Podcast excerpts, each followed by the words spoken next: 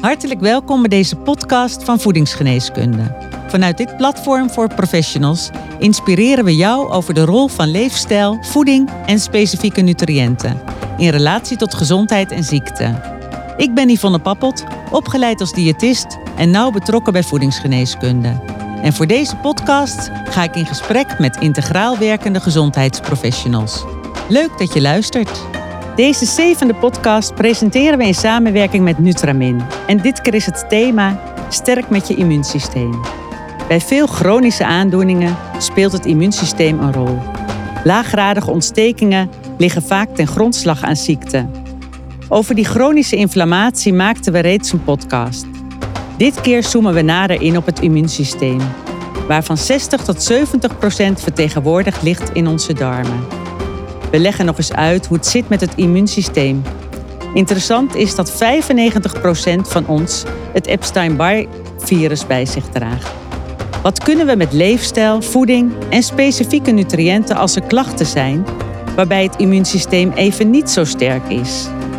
Ik ga over dit mooie thema in gesprek met therapeut Kobi Bouwkamp en Ger Rijkers, emeritus hoogleraar Biomedical and Life Sciences. Heel hartelijk welkom uh, jullie allebei hier in de studio. Uh, leuk om uh, met jullie als duo met een goede afvaardiging vanuit de wetenschap en de praktijk aan tafel te hebben. Ger, jij bent medisch immunoloog en je bent onder meer bezig met de vernieuwde druk van je leerboek over immunologie. Een boeiend, maar ook ingewikkeld thema. Voordat we verder ook die immunologie induiken, wil ik eerst vragen of je kort iets meer over jezelf wil vertellen. Ja, ik ben van oorsprong bioloog. En ben daarna gepromoveerd in de immunologie. En heb toen een postdoc opleiding medisch immunologie gedaan. En eigenlijk heb ik het grootste gedeelte van mijn eh, professionele carrière in ziekenhuizen gewerkt. Om onderzoek en diagnostiek te doen bij, bij kinderen, volwassenen, ouderen met afwijkingen in het immuunsysteem. Daar ben ik ook uh, er tegenaan gelopen dat het immuunsysteem natuurlijk moet beschermen tegen infecties. Maar dat er ook heel veel micro-organismen zijn, vooral in de darm, die een positief effect hebben op het immuunsysteem. Vandaar mijn interesse en dat is ook waarom ik graag aan dit, deze podcast meedoe. Dank. We gaan zo verder met je aan de praat over dit onderwerp natuurlijk. Uh, Kobi, jij bent een uh, praktijkmens. Uh, ook leuk om van jou te horen waar jouw passie voor voeding en gezondheid vandaan komt. Ja, dankjewel Yvonne. En dankjewel om hier ook eh, te mogen zijn, samen met jou Ger. Ja, mijn achtergrond is uh, ortomoleculair vanuit de psychoneuroimmunologie. Maar ik noem het heel graag eh, voeding- en leefstijlgeneeskunde.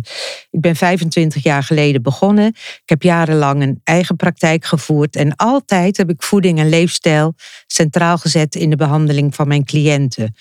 Ik ben daarnaast founder van 3K Cell Protection. En dit is een zorgconcept waar we in 2015 mee zijn begonnen.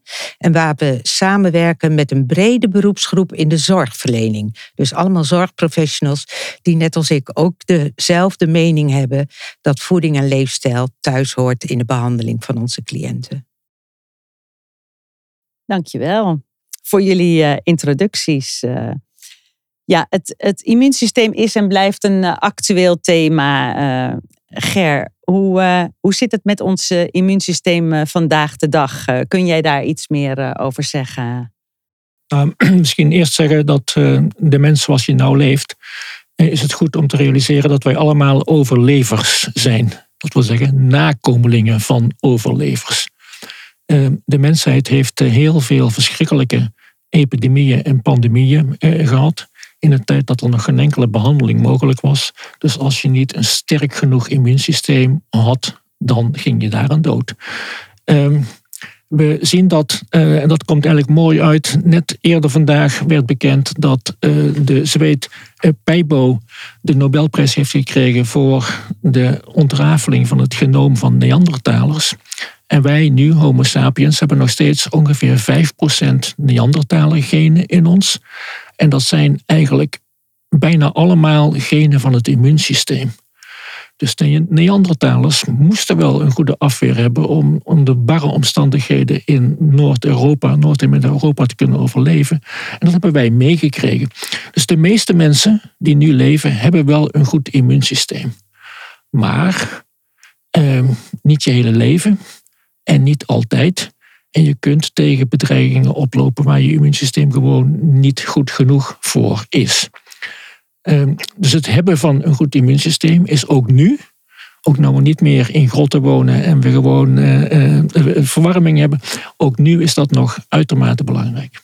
Ja, welke bedreigingen, je noemde die al even, denken we dan aan? Nou, de bedreiging bijvoorbeeld is ehm, dat ehm, ieder moment er weer een nieuwe ziekteverwekker kan uitbreken. En we kennen nou natuurlijk uh, SARS-CoV-2, de nieuwe variant van corona.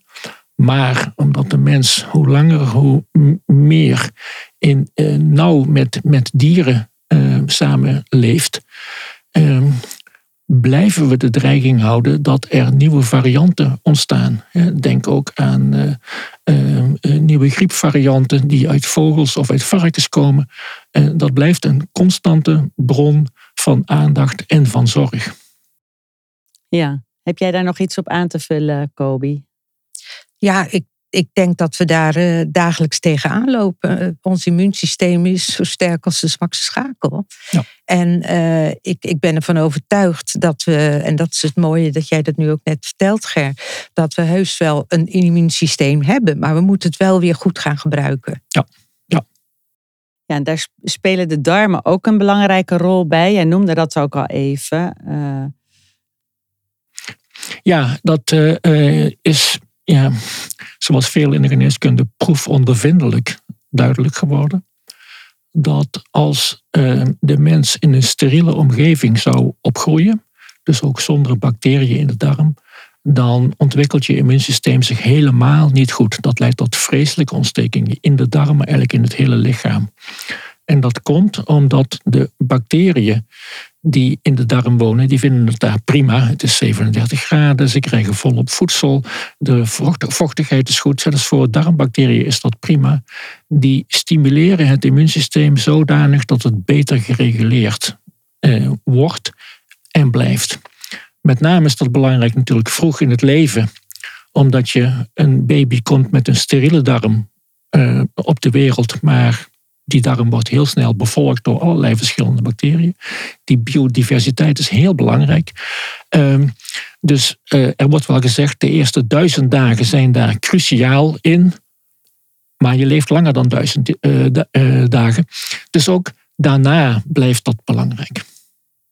Ja. En hoe merk jij dat in de praktijk, Kobi? Ja, dat begint direct al voordat je aan de anamnese begint. Dat begint al bij het binnenkomen, wat je ervaart, wat je hoort, wat je ziet. Uh, maar de anamnese staat hier natuurlijk in centraal. Uh, veel vermoeidheid, uh, te weinig energie. Stoelgang is meestal niet optimaal, alhoewel men zich daar vaak niet eens helemaal van bewust is. Maar ook regelmatige buikklachten, intoleranties, hormonale verstoringen. En ja, het overgewicht. We weten nu dat 59% van de Nederlandse bevolking ermee te maken heeft. En, uh, maar we moeten toch ook niet vergeten dat ondergewicht ook de andere kant van de rekening is en die er ook bij hoort. Dus we zullen ons eigenlijk uh, ja, via uh, kijken, vragen, goede anamnese moeten richten van wat is nu eerst belangrijk. Ja, we kijken naar het hele systeem. dat is wat je ook zegt. En uh, het immuunsysteem uh, speelt daar een centrale rol in. Uh.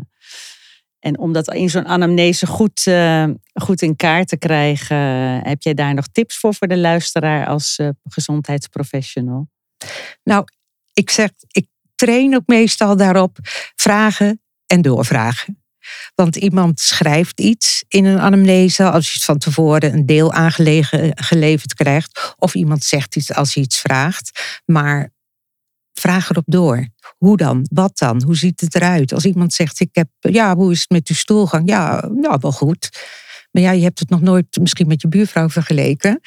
En dan is het toch misschien ook een gênant praatje om het erover te hebben. Maar dit zijn wel de dingen die wij als zorgprofessional moeten doen. Doorvragen. Wat is voor jou normaal? Wat is niet normaal? Ja, en in relatie tot uh, die ontlasting is ook het microbiome natuurlijk heel erg van belang. Uh, uh, kun jij daar nog iets meer over zeggen, Ger? Nou, het is zeker zo dat wanneer de samenstelling van de darmmicrobiota verstoord is, dat dat kan samenhangen met een verstoord ontlastingspatroon. En dat kan zowel uh, richting diarree als richting, op, uh, richting obstipatie uh, leiden. Dat is niet zo goed te voorspellen. Grote probleem is wel dat we nog steeds niet goed weten. We hebben geen lakmoespapiertje om te bepalen wat is goed en wat is niet goed. iedereen heeft bijna een uniek microbioom. Um, dat is mooi, daar houden mensen van. Een soort vingerafdruk, kijk eens, ik ben uniek. Maar als iedereen uniek is, dan wat is dan normaal? Um, en uh, misschien is jouw unieke wel, wel, op zich wel goed. Ja, dat is wel stabiel bij jou, maar stabiel slecht. Maar waar moet je het dan heen uh, manipuleren? Of heen leefstijl adviseren? Uh, dat is nog helemaal niet zo makkelijk. En ik denk dat dat nog zeker een gebied is waar we nog heel veel kunnen leren. Ja. Nou, misschien is het leuk om daar nog op aan te vullen. Wat we in de praktijk vaak zien als mensen zich uh, gaan herstellen. Via voeding en leefstijl, welke interventie dan ook, dan zie je dat die ontlasting beter wordt. En wat je dan heel vaak hoort, dat mensen zeggen: Ik heb in één keer minder toiletpapier nodig. Ja. En dan zeg ik vaak: Kijk, de oermens liep ook niet met een toiletrol rond. En misschien zit daar een boodschap in. Ja. En dan, ja. dan heb je de lachers op je hand. Maar het is wel leuk om, om de cliënt erbij te betrekken dat, dat de waarheid soms zo dicht bij jezelf ligt. Ja. Ja. En misschien nog eh, kort over eh, het afnemen van een goede anamnese is heel erg moeilijk. Omdat mensen niet altijd de waarheid spreken.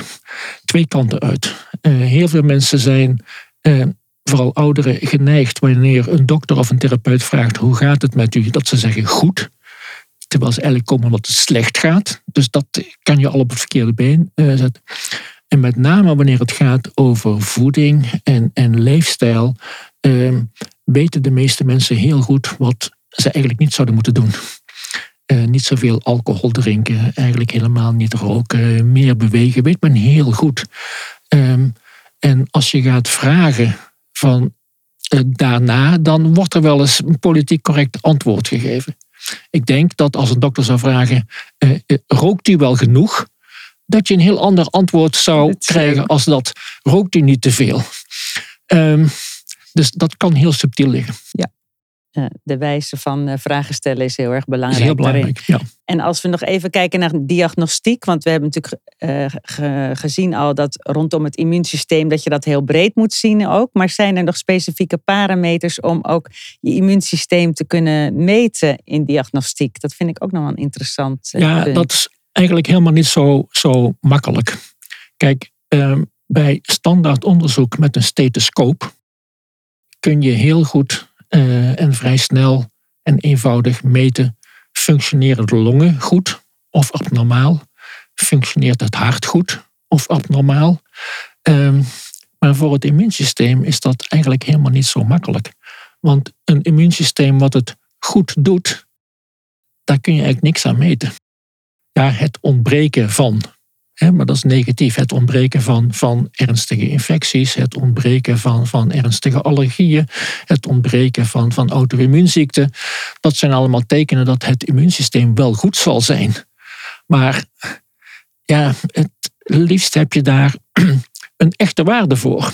Precies. En niet dat je wacht. Ook heb, je hebt, als je in een auto rijdt, heb je liever een waarschuwingslampje wanneer het alles nog wat doet, maar niet meer zo goed is Stel dat je het waarschuwingslampje pas aangaat nadat uh, jouw auto uh, vast is gelopen. Ja? En zo is het eigenlijk ook voor het immuunsysteem. Je krijgt pas uh, die aanwijzing als het al fout is en niet van tevoren. Dus daar is ook nog wel heel wat te doen. Ja.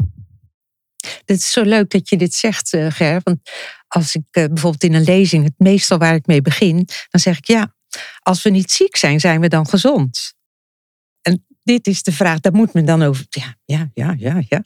Daar moet je dan over nadenken. Ja, de oude definitie van uh, uh, gezondheid was de afwezigheid van ziekte. Maar dat is natuurlijk niet goed. Nee, het was uit de jaren 40. Ja.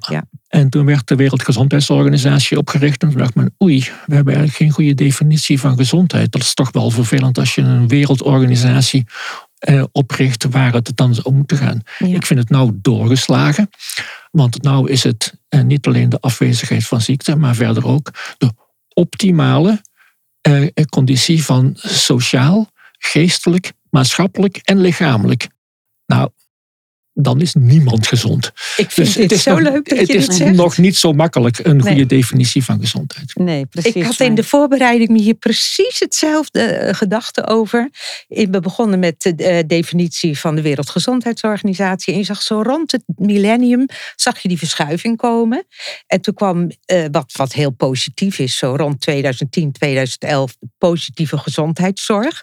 Het concept van Machteld Huber Ja. wordt ook gebruikt in de reguliere geneeskunde. Is aan de ene kant heel mooi, maar als je heel kritisch kijkt, zes punten. Hoe voel je je? Hoe denk je? Hoe leef je? Hoor je erbij? Enzovoort, enzovoort. Waar is voeding?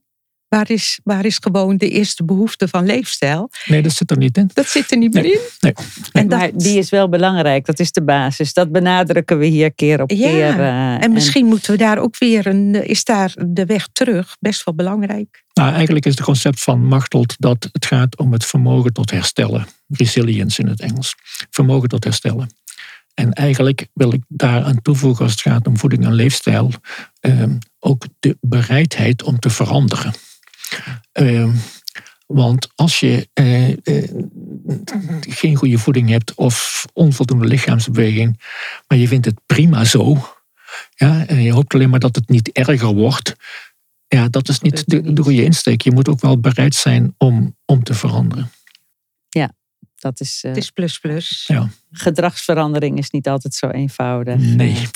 En als we nog even kijken naar, eh, naar het immuunsysteem. En bijvoorbeeld, we weten ook dat overgewicht hè, chronische inflammatie tot gevolg kan hebben in het lichaam. eh. en dit kan ook weer een minder adequate immuunrespons tot gevolg hebben. Met een mogelijk verhoogd risico op een ernstiger beloop van infectieziekten. Eh, wie wil hier iets over zeggen? Nou, misschien eerst wat er aan de hand is. Ehm, het, te veel vetcellen die eh, gaan ontstekingsmediatoren maken. En dat leidt al tot, tot die chronische ontsteking.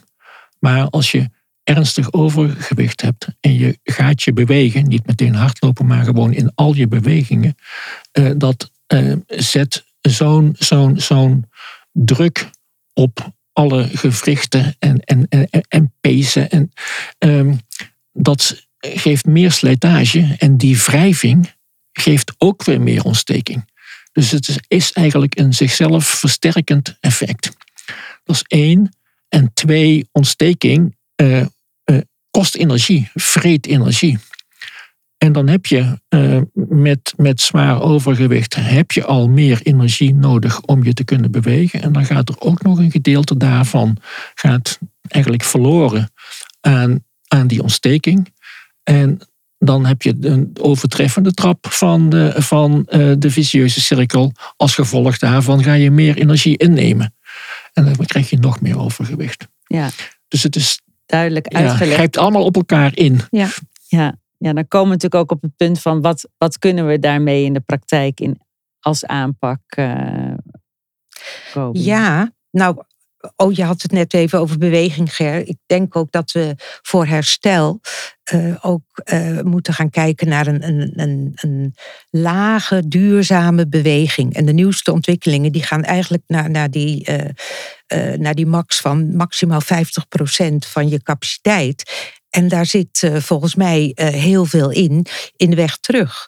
Maar voor mij is het herstel- en preventie-pathway is tweeledig. We zullen eerst moeten herstellen en dan preventief moeten gaan werken. Ik vind dat simpel. Ik kijk in de voeding en leefstijl. proberen we de voedingsstatus in balans te brengen. En daarmee bedoel ik niet allerlei therapeutische interventies met, met suppletie, whatever. Maar gewoon een goede basis neerleggen. Nou, als je dat kunt doen, dan moet de, uh, de, de eiwitpool moet kloppen als basis. zonder dat daar specifieke interventies zijn. De vetzuurpool moet kloppen zonder specifieke interventies. En dit kun je allemaal uitvragen via een anamnese. En eh, natuurlijk vitamine, mineralen, huishouding, antioxidanten. Dit kun je ook uitvragen. En, van, en daar zou ik, en dat heb ik altijd ook een beetje eh, jammer gevonden, ook in de hele suppletiewereld. We hebben zoveel interventiemogelijkheden, maar uh, hoe belangrijk is het om een gewone, betaalbare basisinterventie te hebben waarin we die drie poelen zo zouden kunnen aanreiken aan onze cliënten. Te zeggen van joh, wij kunnen niet altijd perfect eten en leven. Doe eerst dat. Nou, en daarnaast probeer je het herstel. Mag ik dat nog ja, even ja, uitleggen? Ja, ja, ja, tuurlijk. Via die, ik noem dat dan de metabole flexibiliteit. Uh, wij zijn uh, helaas verworden tot uh, ja, hoofdzakelijk glucoseverbranders. En um, daarmee hebben we wel een stukje metabolie flexibiliteit verloren. En je ziet tegenwoordig in het nieuws heel veel over ketose en ketogene diëten. Nou, dan, uh, dan ben ik ook niet helemaal thuis, maar wel van de weg terug. En daarmee bedoel ik de metabole flexibiliteit weer proberen uh, in gang te krijgen door af en toe eens die hormetische prikkel naar vetverbranding in gang te zetten. Als je dat doet, ga je gelijk direct naar die laaggradige ontstekingen die in die buikvetcellen zitten. En daar zijn ze nog niet direct metabool flexibel mee, maar het is wel een wegje terug. Kijk, en dat is de weg van de geleidelijkheid. Ja, en, en als het uiteindelijk dan op preventie aankomt, dan ben ik een groot fan van um, hormetische prikkels. Zowel in de beweging, zowel uh, beweging en rust, koude en warmte, uh, leuke dingen doen, maar een beetje foute stress kan soms ook geen kwaad. Eigenlijk alles. We Hm. zijn zo sterk als, uh, als dat onze cellen ons accepteren. Ja, ja, je geeft een heleboel informatie, Kobi. Uh, ook om de voeding uh, eerst dus in kaart te krijgen door een, door een anamnese. En dan uiteindelijk natuurlijk een advies op maat te geven. Dat is natuurlijk ook voor iedereen weer verschillend. We zoomen daar nog straks verder op in wat het dan precies inhoudt. Hè? Die eiwitpool en vetzuurbalans. Want dat, uh, dat kunnen we nog wel wat concreter maken, denk ik. En over die, die milde ketose, wat je, wat je vertelde. Hoe sta jij daar tegenover, Ger? Nou, uh, het is natuurlijk zo dat, uh, daar heeft Kobi helemaal gelijk in, dat de mens eigenlijk vooral uh, een glucoseverbrander is. En als je je nooit inspant, dan blijft dat ook zo. Dus heeft het lichaam geen enkele reden om, om andere metabole pathways te gebruiken. Uh, je kunt het prima toe met, met glucose. Maar ehm, de, de, de, de anaerobe ketonen ehm, ja, die zijn wel degelijk in staat om energie te leveren wanneer het erom gaat. En om dat systeem niet helemaal te laten inslapen, is het goed om af en toe uh, uh, die, die piek op te zoeken. Je moet er wel, uh, vind ik, niet te uitbundig gebruik van maken. Dus ik zal niet gaan pleiten dat mensen echt allemaal eh, zeker twee keer per jaar een marathon moeten rennen. Dat, heel veel mensen kunnen dat gewoon niet. En ik vind dat alle doelen eh, eh, die je hebt, ja, de beste doelen zijn diegenen die je kunt bereiken. Ja, en eh, wat, wat, wat, onmogelijk is, dat, dat, dat, dat stimuleert ook niet. dus misschien moet het soms ook wel via de weg van de geleidelijkheid. Ik denk juist, juist via de weg van de geleidelijkheid. Ja, ja. Ik denk dat dat ook de basis is naar onze cliënten toe. Waar mogen we beginnen? Als een cliënt niet voelt dat wat we zou, eventueel zouden aanbevelen, dan, dan is het uh, niet gedoemd tot, uh, tot duurzaamheid. Of dan is het gedoemd tot niet-duurzaamheid. Ja. En ja, ik denk dat ja. daar, uh, daarom dat die anamnese en vragen en doorvragen. En wie bent u? En, en wat kunnen we samen bereiken? Ja. Het is natuurlijk belangrijk om als gezondheidsprofessional ja, heel duidelijk een plan van aanpak te maken. Wat haalbaar is, wat al gezegd is van hè, uh, ja, in, in stapjes, kleine stapjes uh, doelen te stellen. En dan, uh, dan kan dit onderdeel zijn van de aanpak. En dan is ook kennis van zaken en een goede begeleiding van belang. Ja. ja, het is wat, wat ik straks zei, hè, de, de, de, de wil en de bereidheid tot verandering. En vaak zal dat maar kleine stapjes zijn. Maar soms is het ook goed om iets gewoon radicaal ehm, te veranderen. Heb je een voorbeeld? Ja. nou, dan ben je, ben, je- ben je ook eerder gewend aan, eh, aan eh, Korte pijn. ja. Ehm, nou, ik, eh, ehm, ja, achteraf schaam ik me een beetje dat ik zo lang gerookt heb. Maar ik heb lang gerookt. En ik ben van de ene op de andere dag gestopt. Ehm, niet met hulpmiddelen, niet met, met counseling. Gewoon, ehm, mijn, eh, mijn sigaretten waren op. Ik was op weg naar de benzinepomp om nieuwe sigaretten te gaan halen. Ik dacht, nee Ger, ik doe het niet. Ik, nu, nu, vandaag stop ik. Daar was er klaar voor. Ja. Ehm, je moet er wel inderdaad, eh, je moet dan openstaan om te veranderen. Als iemand tegen mij gezegd had, Ger, zou je niet minder gaan roken, dan, en dat hadden andere mensen eerder gezegd, dat, dat, dat kwam niet aan. Dus in, in mijn geval was die weg van de geleidelijkheid was niet zo'n goede weg. Eh, gewoon meteen. eh, van- Misschien was van- die weg van de geleidelijkheid er al, maar signaleerde je hem niet. Had hij nog niet tot, tot effect? kwam. Ja, nee, dat, ja. Dat, dat, dat kan zeker. Ja. Dat kan zeker. Het is heel leuk. Ik ben net zo gestopt. Ja. Ooit in het grijze geleden. Ja. Maar mijn partner was al een half jaar bezig. Kobi, dit kan niet. Je moet stoppen. Enzovoort, enzovoort. Tot zo, ook in een split second. Ja. En ik zei, nu is het klaar. Maar dat is als gezondheidsprofessional dus ook heel erg aftasten met je cliënten. Ja, hoe, hoe, eh, hoe, hoe vlieg ik hem aan? Wat En is, wat eh, mag, mag je doen? Ja, ja, ja. Maar ik denk het feit dat, dat iemand ehm, naar jou toe komt. Het is niet verplicht hè, om naar jou toe te komen. Het is vrijwillig. Ja. Op het moment eh, eh, dat je eigenlijk hulp gaat zoeken. ehm, dat, heb je al een belangrijke stap genomen. Ehm, want ja, als mensen bij jou komen en zeggen: Ja, maar ik wil eigenlijk helemaal niks veranderen. Ja, dan valt er ook niet zoveel te doen, natuurlijk. Precies. Wa- Wat is de intrinsieke motivatie om dat helder te Ja, krijgen? maar we zullen ze de kost geven waar het wel gebeurt. Ik zit hier vanwege en dan komt het. Man, buurvrouw, whatever. Heeft me gestuurd. Heeft ja, me gestuurd en Ja. misschien Ja. moet ik er iets aan doen. Maar ja, ja. Dan zou ik nu graag overgaan naar even wat meer de praktische vertaalslag van die voedingsadviezen. Want eh, ja, we kunnen het allemaal wel helder in beeld gaan krijgen, maar dan moeten de stappen genomen gaan worden. Eh Kobi, kun jij eh, daar wat concreter invulling aan geven voor de luisteraar? Ja, nou, heb je even. ik denk dat we ehm, met name vezelrijke voeding, staat bij mij primair. En dan eh, houd ik van eh, groente, groente en nog eens groente. Bij ons eh, is de eerste interventie die ik zeg, leer de, soeppot weer te gebruiken. Koop wat er in de aanbieding is aan seizoensgroenten. En je hebt een, een rijke bron aan informatie. Maar daarnaast natuurlijk ook eh, fruit, noten, zaden enzovoort enzovoort. De kruisbloemige groenten zijn heel mooi eh, in de aanpak eh, van je immuunsys- immuunsysteem.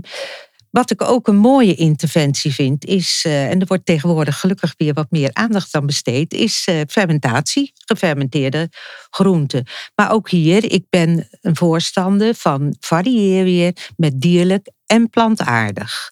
Dus eh groenten kun je fermenteren, maar een haringje of, of kevier, dat zijn weer, weer andere bronnen. Nou ja, dan kijk je van welke voeding is eh, anti-inflammatoire. Ja, dan kom je echt meer, ook weer hier plantaardig en dierlijk kijken. Maar kijk eh, bijvoorbeeld eh, knoflook, uien, pepers. Nou, we kennen het allemaal. Gember, groene thee. Maar wat ik ook boeiend vind is, en dat was op ons laatste eh, voedingsgeneeskunde-congres, dat ook eh, Frits Muskiet hierin aangaf. We zullen weer terug moeten naar 1 gram solide visolie per dag om die omega's weer in balans te krijgen. En eh, nou, dat, dat kan ik ook met vreugde onderschrijven. We moeten ook aan de antioxidanten denken. Ik vind, en dan probeer ik altijd zo dicht mogelijk bij mijn cliënt te beginnen. Dan zeg ik, drinkt u graag koffie? Ja, ja, ja. Nou, hoe zou het zijn? Drie kopjes Arabica koffie per dag. Kunt u het daar... Nou, nou, dan kom je al een beetje in de buurt. Hè, of een stukje donkere chocola. 70 70% en hoger. En als je dan die, die instap al maakt, dan mag je misschien verder gaan met denken aan eh, specerijen, typische specerijen zoals eh, kruidnagel, kaneel, pepers. eh, nou ja, wat kunnen we allemaal noemen? Ook weer gember. Dan ga ik de gemberthee even weer adviseren wat je zelf kunt maken. Ja, en fytonutriënten. En ik moet zeggen, dat is tegenwoordig best wel een dingetje voor een cliënt. Want die zegt, Vito, wat? Wat moet ik daarmee? Waar haal ik dat? Kun je dat kopen? Maar ja, we weten dat de druk uit, uit plantaardige voeding de meest mooie stoffen teweeg brengt. Dat hebben we ook nu in het hele uh, ja, afgelopen jaar met, met COVID uh, ontdekt. Bijvoorbeeld uh, quercitine. Gewoon meer kappetjes eten bijvoorbeeld. Of resveratrol, rode en blauwe voeding. Zijn zulke mooie ja, fytonutriënten. We moeten eigenlijk weer leren ook met de regenboog te gaan eten. Ja, het is mooi dat je aangeeft waar vooral de mogelijkheden liggen. Misschien toch goed om wel even stil te staan op wat dan juist niet goed is in relatie tot het immuunsysteem. Wil jij daar nog iets over zeggen, Ger? Nou, uit voeding um, is, zijn, zijn, zijn de, de voedingsmiddelen die um, met name aanzetten tot, tot obesitas. Um, vet, zout, suiker.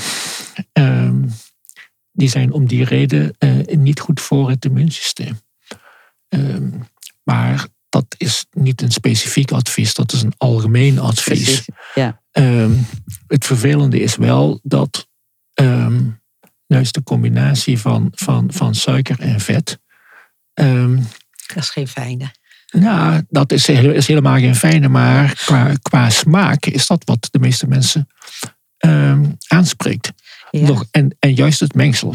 Ja, waar de fabrikanten natuurlijk graag op inspelen. gewoon uh, puur suiker, dat is eigenlijk niet lekker. En puur vet is ook niet lekker. Als je het één op één mengt, dan heb je een donut. En dat vindt de halve wereld lekker. Um, dus er zitten hele rare dingen in de smaak. Um, eigenlijk is de smaak van de mens, zou je vanuit gezondheidspunt, zou je zeggen van nou, dat is niet goed ontwikkeld. Want um, wat je lekker vindt, uh, is niet gezond. En zou omgekeerd moeten zijn. Ja. ja. Nou, dat is ook wel leuk, want, want die, die vijfde smaak wordt er tegenwoordig genoemd. Hè? Die umami-smaak. Ja. ja, die is puur eigenlijk naar voren gekomen door de voedingsindustrie. En uh, dat is dat typische, ik noem het altijd het glutamatensmaakje, 621, Feichin. En ik hoor mijn vader nog zeggen als kind, een geweldig gezond kruid uit China. En dan gaan we over de kip doen. maar ja, dat is 50 jaar geleden of langer. We wisten toen niet beter. Maar dit is wel wat onze smaak behoorlijk uh, ja, een beetje verslaafd gemaakt heeft. ja. ja. Dan wil ik wat verder inzoomen op de specifieke nutriënten. We weten van eh, vitamine C en D en visolie is natuurlijk al genoemd ook. Uh, zijn bekend in relatie tot uh, het immuunsysteem. wat weten we verder vanuit de wetenschap, Ger? Ja, die, de, de goedgekeurde gezondheidsclaims voor, voor omega-vetzuren, voor vitamine C en vitamine D. Um, die zijn eigenlijk vooral toegekend omdat het um, voedselingrediënten zijn, uh, wat eigenlijk gelijk staat aan een, een, chemische formule. Um, er is een formule voor vitamine C. Um, en dat betekent dat je er heel makkelijk een receptor van kunt uh, meten. En de binding aan zo'n receptor in een half waardetijd. En dat is eigenlijk wat, wat farmacologen doen. En veel van de voedingsgezondheidsclaims. Uh, EFSA is daar de organisatie voor in Europa. EFSA wordt gedomineerd door mensen met, met een farmacieachtergrond. En eh, voor een, een, een farmaceut is het heel moeilijk om iets ingewikkelders, een ingewikkelder molecuul te kunnen meten. Laat staan een heel organisme, zoals een bacterie. Dat kan men eigenlijk helemaal niet. Ehm, dus dat, dat is de achtergrond daarvan, vind ik. Het is, als je namelijk gaat kijken van welke onderzoeken zijn er nou gedaan voor vitamine D? Nou is dat, is dat vrij veel. Voor vitamine C is dat eigenlijk heel beperkt. Um, waar dan een positief effect, uh, wat je kunt koppelen aan het immuunsysteem. Natuurlijk is vitamine C hartstikke belangrijk. Ja, er zijn uh, te veel uh, zeelui doodgegaan omdat ze geen vitamine C kregen. Um, dus ik wil niet ontkennen dat het heel belangrijk is. Voor het immuunsysteem heeft het ja een positief effect. Maar dat is, als dat het enige zou zijn waarop je je immuunsysteem zou, zou moeten varen, dan is het absoluut onvoldoende. Nee, nee, nee. Nee, het gaat echt om uh, hierin om synergie. Ja. Maar ja, Ja. dat was in de, in de evolutionair was het ook altijd zo.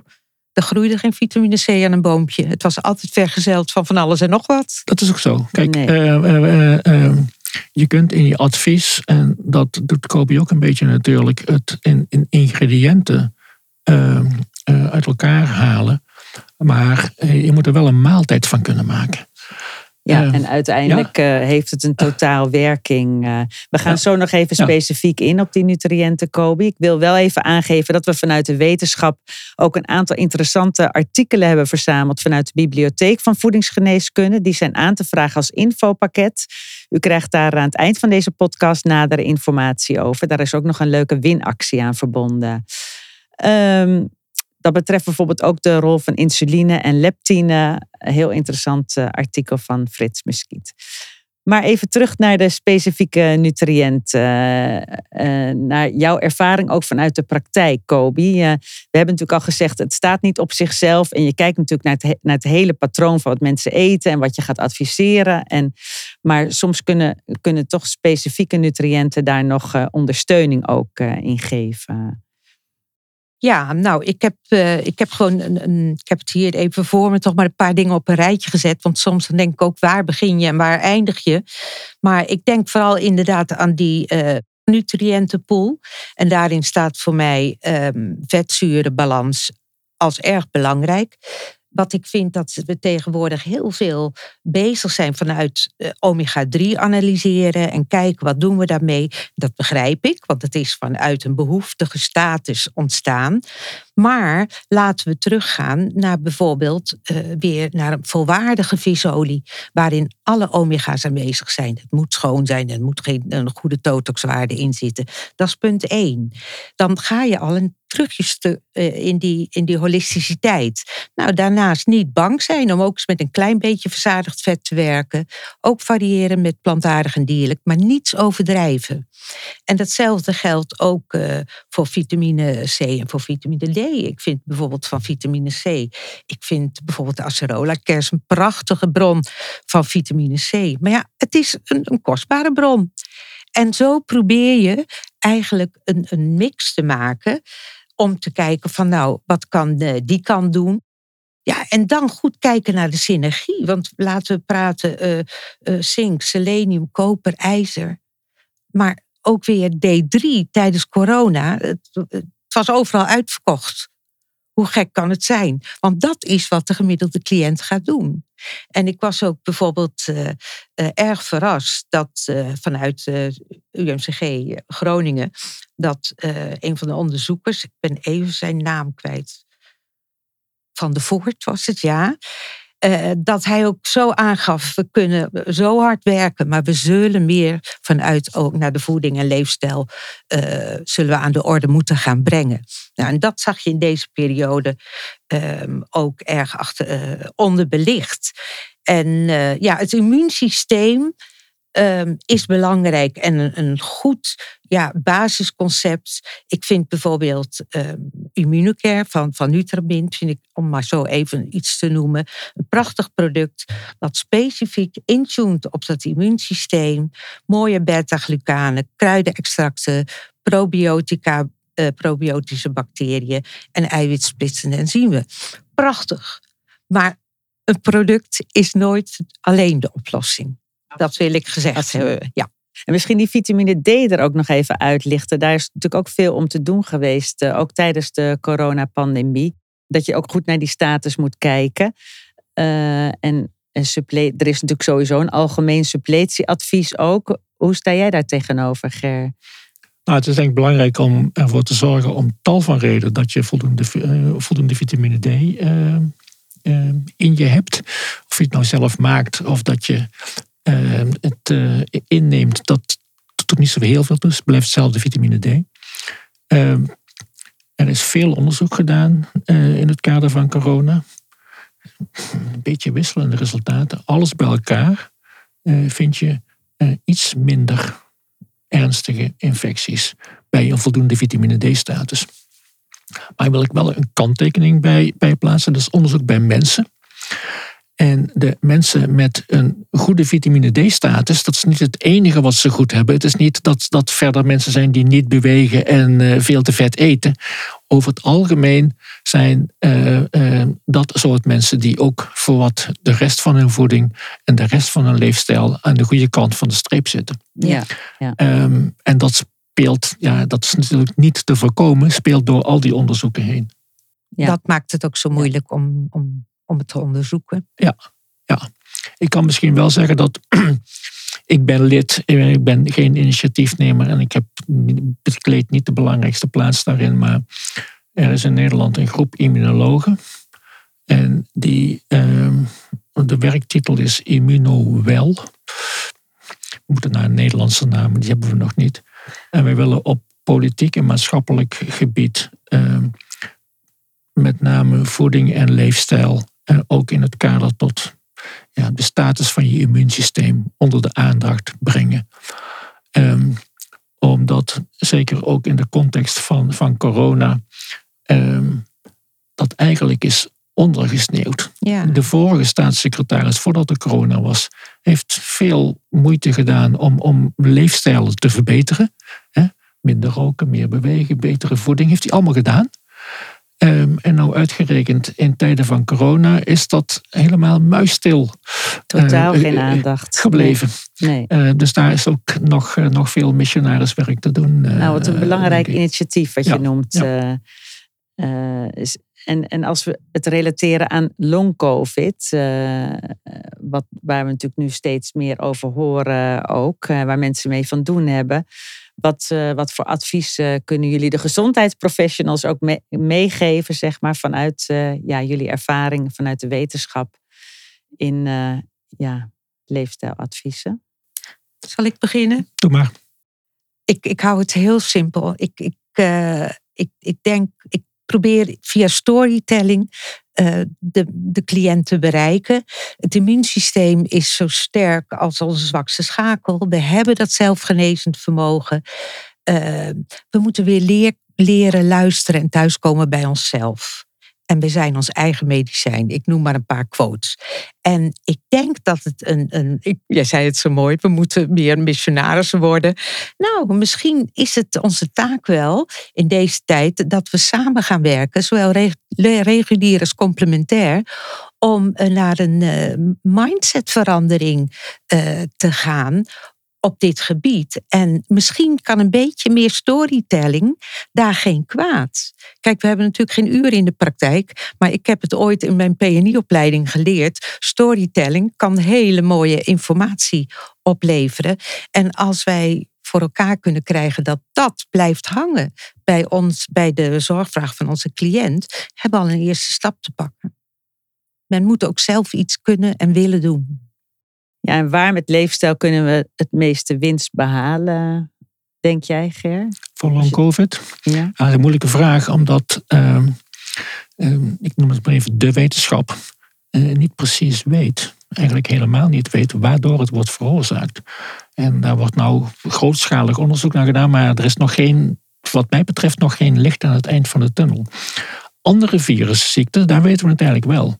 Ehm, chronische hepatitis, uh, uh, chronisch actieve Epstein-Barr virusinfecties. Die patiënten die hebben verschijnselen die erg lijken op long-covid. Met name het vermoeidheidsaspect komt daar heel duidelijk naar voren. Um, maar bij de patiënten met long-covid uh, kun je, je kunt ze binnenste buiten keren. Je vindt geen levend virus meer terug. Het zit er niet in.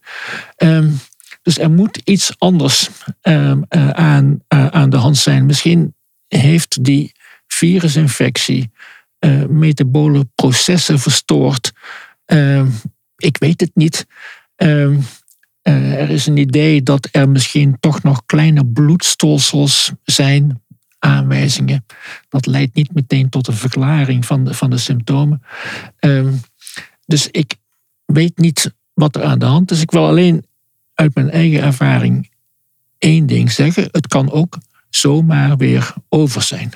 Ik sprak uh, aan het begin van de pandemie in Zeeland voor, voor ex-COVID-patiënten. Heel veel daarvan die klaagden over vermoeidheidsklachten.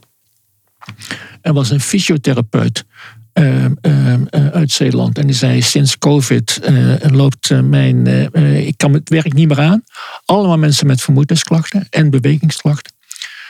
Maar er was ook een ex-patiënt en die zei van ja, ik heb negen maanden lang kon ik niks. En toen opeens was het over. Ik zei van de ene dag op de andere. Hij zei van de ene dag op de andere. Toen was er of er een wonder gebeurd. Um, dat zal niet voor iedereen gelden. Maar zoals het om onbekende reden gekomen is, kan het soms ook om onbekende reden zomaar weer over zijn. Dat maakt het lastig, maar dat geeft ook weer. Geeft, uh... geeft een beetje moed, maar maakt het wel lastig om, om een goed advies ja. uh, te geven. Het beste advies zou zijn, ja, wanhoop niet. Het, uh, het, het, gaat voorbij. Ja, en, en in basis gelden dan natuurlijk de, de voedingsadviezen, leefstijladviezen, zoals we ze ook besproken hebben. Hè, om, ja. Preventie, gewoon dan echt, kijk, alles wat we niet zeker, precies zeker weten, en dat zal ook altijd zo blijven, is het enige wat we kunnen doen, is teruggrijpen op de basis die we wel weten en hebben. En kijk van ja, wat kan ik zelf doen om mezelf zo weerbaar mogelijk te maken. Ja. ja. Hey, ik denk dat, dat, dat, dat goede gebalanceerde voeding is uitermate belangrijk. Maar ook je niet neerleggen met dat je door lichamelijke inspanning, dat je daar zo moe van wordt. Ik denk dat je moet blijven bewegen. Want als je lethargisch wordt, dan, dan, dan, dan wordt het inderdaad niks. Oké. Ja, de tijd is voorbij, uh, uh, lieve gasten. Heel hartelijk dank, uh, Kobe en Ger, voor dit boeiende gesprek over sterk met je immuunsysteem. Ja, waarin we het thema belicht hebben vanuit de wetenschap en vanuit de praktijk. Ja, het immuunsysteem is en blijft complex, dat is duidelijk. en ja, een gevarieerde, gezonde voeding speelt een belangrijke rol waarbij we het belang van eh, micronutriënten niet mogen onderschatten en ook het microbioom eh, enorm van belang is. Ja, voor jou als gezondheidsprofessional een mooie uitdaging om een, eh, een plan van aanpak op maat te geven. We hopen dat we je met de kennis en ervaring uit dit gesprek weer een, een mooi stukje inspiratie mee te hebben gegeven. Graag geef ik het woord aan Charlotte Thewe van Nutramin, die nog even iets moois te vertellen heeft. Ook namens Nutgemin dank aan de sprekers, Ger en Kobi. Heel fijn om naar jullie te luisteren. Het is wederom een boeiend gesprek geworden. Nutgemin is dus partner van deze podcast en levert hoogwaardige en gespecialiseerde voedingssupplementen. En ik nodig u als luisteraar van harte uit om eh, een informatiepakket aan te vragen over deze boeiende podcast. Dat kan via www.nutramin.nl. En in het pakket vindt u dan informatie, verdieping over de producten die genoemd zijn, de Immunocare, de Mega Fresh visolie en de C4 Balance. En tevens uh, vindt u daar ook de onderzoeken terug waarnaar verwezen is. U kunt zich ook via de website inschrijven voor onze nieuwsbrief, zodat u op de hoogte wordt gehouden van de nieuwe podcasts en de innovaties van Nutramin. Evenals u eh, wellicht wil samenwerken met Nutramin in uw praktijk.